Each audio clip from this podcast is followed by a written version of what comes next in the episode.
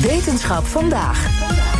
Historicus Raf de Bond van de Universiteit Maastricht is gefascineerd door de relatie tussen mens en dier. Ik hou ook heel veel van mijn hond en van mijn kat. Hij onderzoekt onder andere hoe wilde dieren in de 20e eeuw door ons mensen zijn verplaatst en wat dat voor effecten heeft gehad. Wetenschapsredacteur Carlijn Meinders, je hebt hem gesproken en uh, dat effect dat uh, was vast niet zo heel positief, gok ik. Nee, ik vrees het ook niet echt. Nee. Uh, de Bond is zo'n zes jaar geleden met collega's begonnen aan dit Moving Animals Project. Uh -huh. Waarin ze dus op verschillende manieren vanuit verschillende onderzoeksvelden ook naar die mens-dierrelatie hebben gekeken.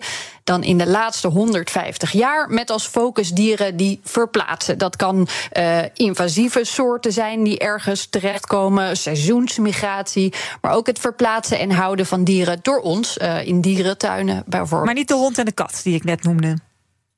Um, uh, uiteindelijk misschien ook wel, maar de focus van, van de bond lag vooral op dit uh, onderzoeksveld. Ja, lijkt me wel heel lastig, zo niet onmogelijk, om dit voor alle diersoorten op alle plekken van de wereld uit te gaan vogelen. Ja, zeker, zeker. Daarom hebben ze het ook een beetje opgedeeld.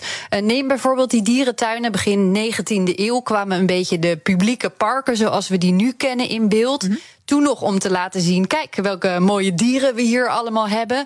Uh, nou, midden 20e eeuw begon de nadruk wat meer te liggen op conservatie, op uitwisseling.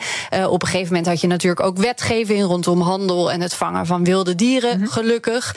Maar je had ook een periode waarin het goed toeven was als exotische dierenvanger. Ik heb me nogal bezig gehouden met één uh, dierenvanger in het bijzonder, Charles Cordier. Die leverde eigenlijk aan alle prestigieuze dierentuinen in uh, Europa en in de Verenigde Staten.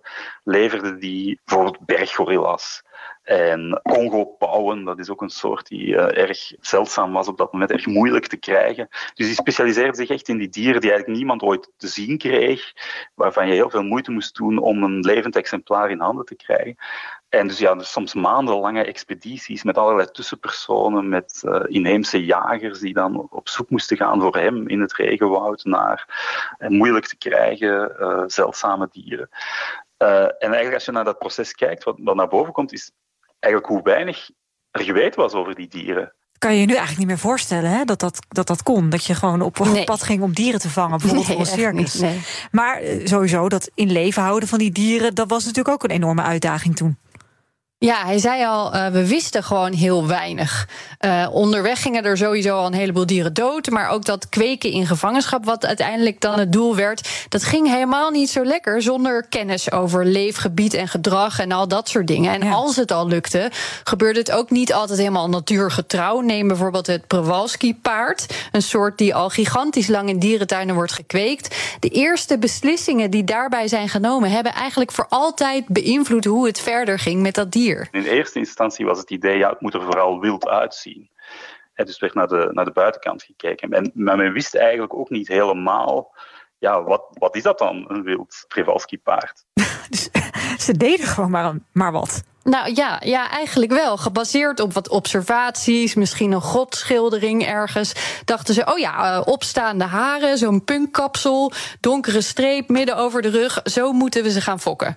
En later zijn ze natuurlijk meer gaan fokken op genen en op voldoende variatie in de pool en zo. Maar al die Przewalski-paarden die er nu zijn, zijn beïnvloed door die vroege keuzes. En dat geldt voor heel veel dieren. Er is heel veel verloren gegaan eigenlijk in die vroege projecten.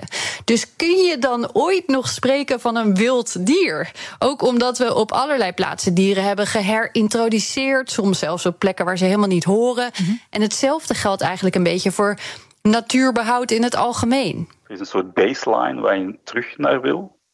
Of je wil natuur behouden in een bepaalde context. Zeker in het verleden was het idee vaak, we gaan terug naar een bepaald punt in de tijd. Maar dan kan je een discussie hebben welk punt, naar, waar wil je naar terug? Dus de vroegste natuurbescherming in West-Europa ging eigenlijk vaak terug naar een pre-industrieel uh, tijdperk, dus een soort landelijk Nederland bijvoorbeeld, van de 18e eeuw. Terwijl in de Verenigde Staten veel meer het idee was, ja, we moeten terug naar een periode voor de komst van de Europeanen.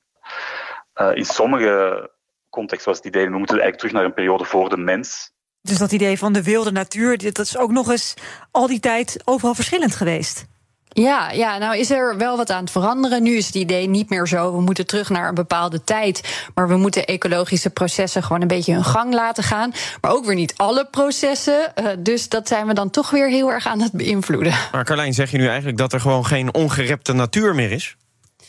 Nou ja, wat is de wilde natuur nog inderdaad? Als we stukken land bijvoorbeeld laten verwilderen, de natuur haar gang laten gaan, krijg je dan überhaupt wel iets wat lijkt op wat ooit de wilde natuur was? Want die onaangetaste natuur, die op geen enkele manier door de mens is beïnvloed, die, zegt de Bond, bestaat eigenlijk al een hele tijd niet meer het idee van een wilde natuur die losstaat van de mens is eigenlijk nog heel moeilijk te verdedigen, omdat het eigenlijk ondenkbaar geworden is. Dus door de klimaatverandering is natuur overal op een of andere manier door de mens beïnvloed.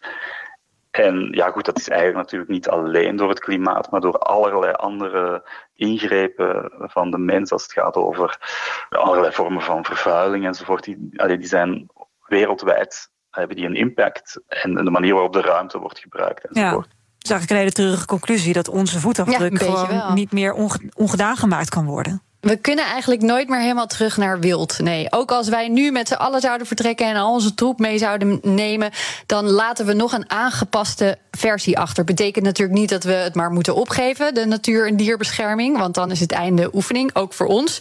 Maar het is wel iets om bij stil te staan dat wat wij nu wild noemen, zelfs als we het vanaf nu helemaal met rust laten, dat is eigenlijk al lang door ons getemd. Een uh, filosofische les van een historicus in de week van de biologie. Ja, mooie les wel. Een beetje treurig, maar wel een, een mooie les. Ik vind het wel jammer dat als ze het Presalski-paard dus zo hebben aangepast... dat ze niet de naam hebben aangepast. Want op het groot dicté der Nederlandse taal ga ik altijd nat op. Ja, dat, dit is, ik moest er ook aan denken. Hoe schrijf je dat ook alweer? Laten we het even in de reclame even gaan doen. Dankjewel, Carlijn.